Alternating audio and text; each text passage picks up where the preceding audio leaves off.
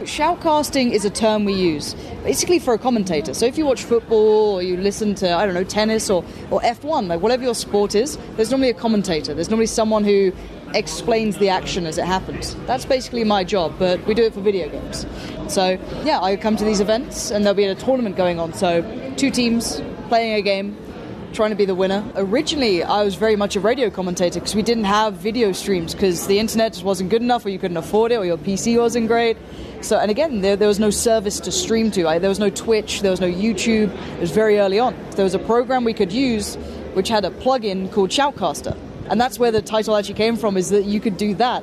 So these days we get to video broadcast, so it's a little less, you know, uh, hard work. It's a little easier. Lauren verduidelik toe hoe mense die geleentheid kry om die tipe werk te doen.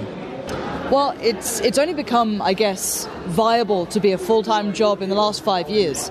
Prior to that, it was a hobby, you might get some money, but recently the the viewership's there, the sponsors are there, and we go to tournaments, we go to arenas. I've I've done a show in the Lanxess Arena in Cologne, which is I think 12,000 people were in that arena, and we had over a million watching online. So there's a huge young audience now, excited by video games, who want to watch the very best at it. So that's where it's suddenly become an actual profession. That's the difference now. Is before people didn't have good enough internet, people weren't able to watch these streams, or we weren't able to broadcast it like the people on TV can. Now we have ways to do it, and people are there to watch. Sy vertel toe hoe gewild hierdie toernooie is, veral in Suid-Afrika. So tournaments globally are happening every week. You could go onto twitch.tv and check any channel out it's probably got a tournament going.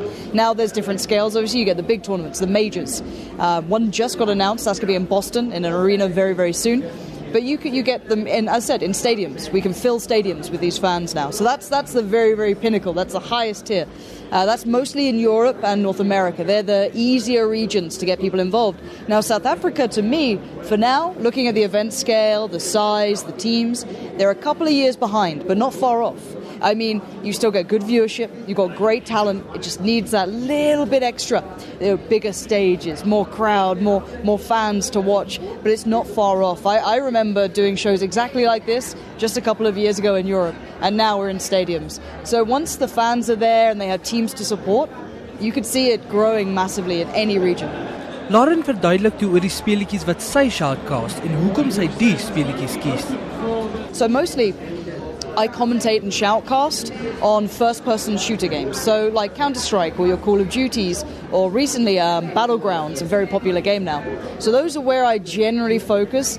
Other commentators like MOBAs where you, you know, uh, I guess you try and take over the other team's base and you get strategy games. Different commentators specialize in different things. Mine's mostly the first person shooter games with you know, team play elements. It's where I have my strongest knowledge, I guess. I, I mostly play them myself as well, so I feel I can draw from my own experience. So for me, it's easier to focus on something I really enjoy. I put a lot of time into it, and it's more close to my knowledge base. So that's why I mostly focus on those.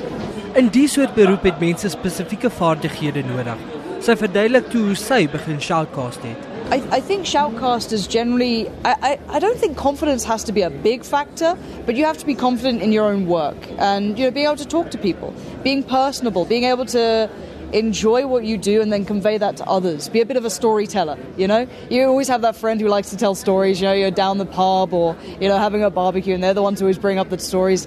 Hell, they could be a great commentator. I mean, for me, I started many years ago. I, I'm, you know, I still get nervous being in front of you know, these crazy cameras now and all these beautiful setups. For me, I just like talking about video games. But there's people these days who love it all. They're so embracing of it.